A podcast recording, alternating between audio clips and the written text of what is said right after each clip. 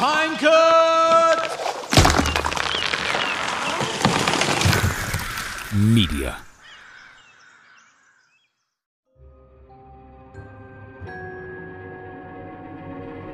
Witajcie.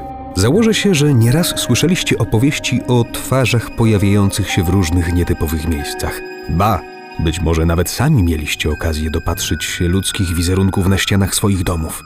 Zazwyczaj owe obrazy okazują się zaciekami, cieniami grającymi z nami w ciuciubabkę albo refleksami światła płatającymi figle naszym oczom. Jest jednak takie miejsce, w którym pojawiające się na ścianach i podłogach ludzkie podobizny są czymś więcej niż tylko niewinnym złudzeniem. Zapraszam Was do pewnego domu w sennym hiszpańskim miasteczku Belmes.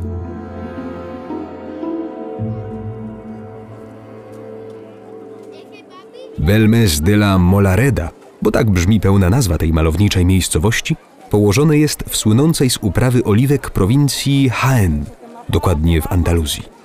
Na pozór nie wyróżnia się niczym szczególnym, może poza jednym. Znajduje się tam dom, w którym pojawiają się ludzkie twarze. Wszystko zaczęło się w 1971 roku, kiedy niespodziewanie to położone przy Parku Narodowym Sierra Machina miasto znalazło się na ustach całego świata. Pewnego dnia Maria Gomez Caamara zauważyła na podłodze swojej kuchni plamę. Plama jak plama, pomyślała i zabrała się za jej usuwanie. Szorowanie jednak nie pomogło, wręcz przeciwnie. Ślad na podłodze robił się coraz ciemniejszy. Z czasem stał się bardziej wyraźny, by w końcu przybrać kształt przypominający twarz. Twarz mężczyzny. Nie wiedzieliśmy, co robić, mówiła Maria. Skorzystaliśmy chyba ze wszystkich możliwych środków, żeby się tego pozbyć, nawet wybielacza. I nic, wspominała. Miguel Pereira, syn pani Gomez, postanowił skuć posadzkę w miejscu, w którym pojawiła się podobizna mężczyzny. Niestety, kiedy tylko beton, którym zalał dziurę w podłodze, wysechł, ludzka twarz znowu zaczęła się wyłaniać. Całą operację powtórzył, ale tym razem też nie udało mu się uzyskać zadowalającego rezultatu. Twarz co prawda zniknęła z podłogi, ale już po kilku dniach pojawiła się znowu, tym razem na piecu. Wkrótce o domu przy Real 5 mówiło całe miasto. Nic zresztą dziwnego, żyjąc w tak małej społeczności, trudno jest utrzymywać cokolwiek w tajemnicy. Pani Gomez i jej rodzina dostali kategoryczny zakaz pozbywania się dziwnych wizerunków ze swojego domu. Na wniosek burmistrza fragment z dziwną plamą wycięto i przesłano do ekspertyzy. Miało to ukrócić niezdrowe zainteresowanie miastem. Był to jednak dopiero skromny wstęp do tego, co miało się wydarzyć. Wkrótce podłoga domu Marii Gomez zaczęła przypominać jeden wielki obraz. Niemal cała pokryła się wzorami wyglądającymi jak ludzkie twarze. Pojawiły się po trochu najpierw oczy, nos, usta, później pozostałe części. Wspominał jeden z sąsiadów rodziny Pereira.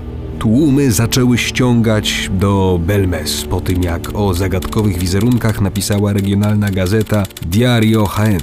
Wtedy o sprawie zrobiło się naprawdę głośno. Artykuł niewielkiego periodyku zaczęły cytować największe tytuły nie tylko w Hiszpanii, ale i na świecie. Do małego miasta w Andaluzji wyruszyli dziennikarze, badacze i zwolennicy wszystkiego, co wykracza poza ramy ludzkiej wyobraźni.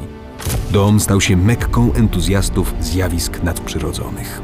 Herman de Argumosa, hiszpański dziennikarz wraz z Hansem Benderem, niemieckim parapsychologiem, postanowili przyjrzeć się bliżej temu wyjątkowemu miejscu. Benner twierdził nawet, że to, co dzieje się w Belmes, jest najbardziej znaczącym parapsychologicznym wydarzeniem stulecia. Przystąpili do szczegółowych badań. To, co udało im się nagrać, przyprawiło ich o ciarki na plecach. Spośród przerażającego zawodzenia i jęków na zapisie dało się usłyszeć: To brama do piekła. Ale to nie wszystko. W pewnym momencie usłyszeliśmy coś jakby wezwanie, wspominał Hans Bender.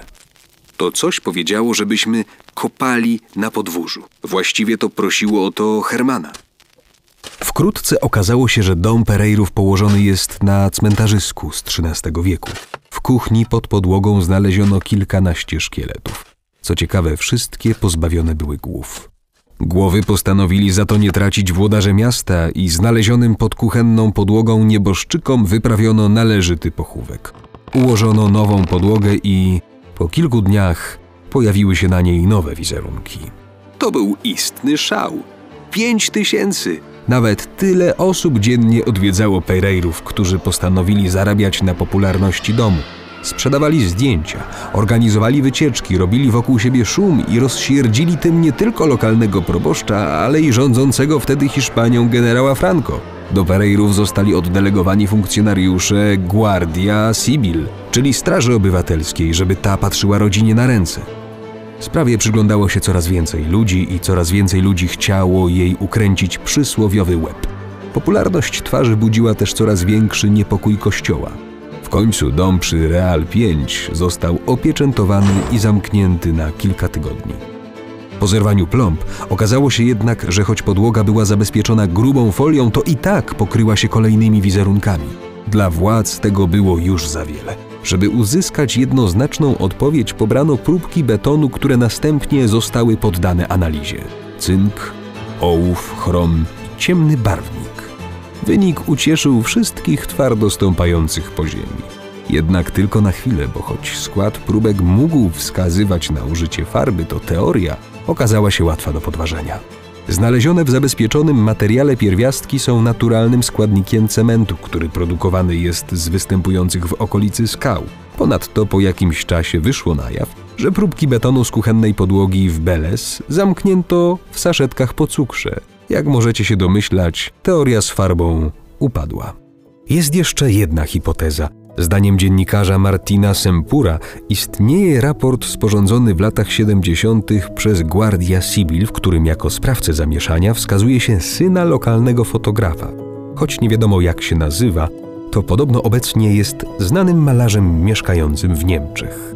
To o tyle ciekawe, że swego czasu część sceptyków sugerowała, że twarze z Belmes malowano z wykorzystaniem azotanu srebra, stopniowo utleniającego się i popularnego wśród fotografów środka, który reaguje na światło i sprawia powolne wyłanianie się obrazu z podłoża. Mogłoby to wyjaśniać stopniowe pojawianie się wizerunków na kuchennej podłodze, ale czy na pewno? Choć od czasu pojawienia się pierwszych twarzy minęło już kilkadziesiąt lat, to wciąż nie wiadomo, czy były paranormalnym zjawiskiem, czy tylko sprytną mistyfikacją. Wiadomo natomiast, że zniknęły, kiedy z domu przy Real 5 wyprowadziła się Maria. Kiedy Maria Gomez umierała, jej ostatnie słowa brzmiały podobno: Możecie zamknąć mnie w trumnie, zabrać z domu, ale moje twarze pozostaną. Jakiś czas temu w Belmes otwarto Centrum Interpretacji Twarzy. Można w nim zobaczyć obszerną dokumentację zawierającą filmy, zdjęcia i artykuły, które opisywały tę sprawę. Jeśli będziecie w okolicy, zajrzyjcie koniecznie. To wszystko na dzisiaj. Podzielcie się linkiem ze swoimi znajomymi i zasubskrybujcie nasz kanał, chyba że już to zrobiliście.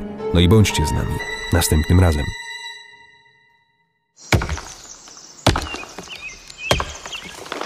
Pine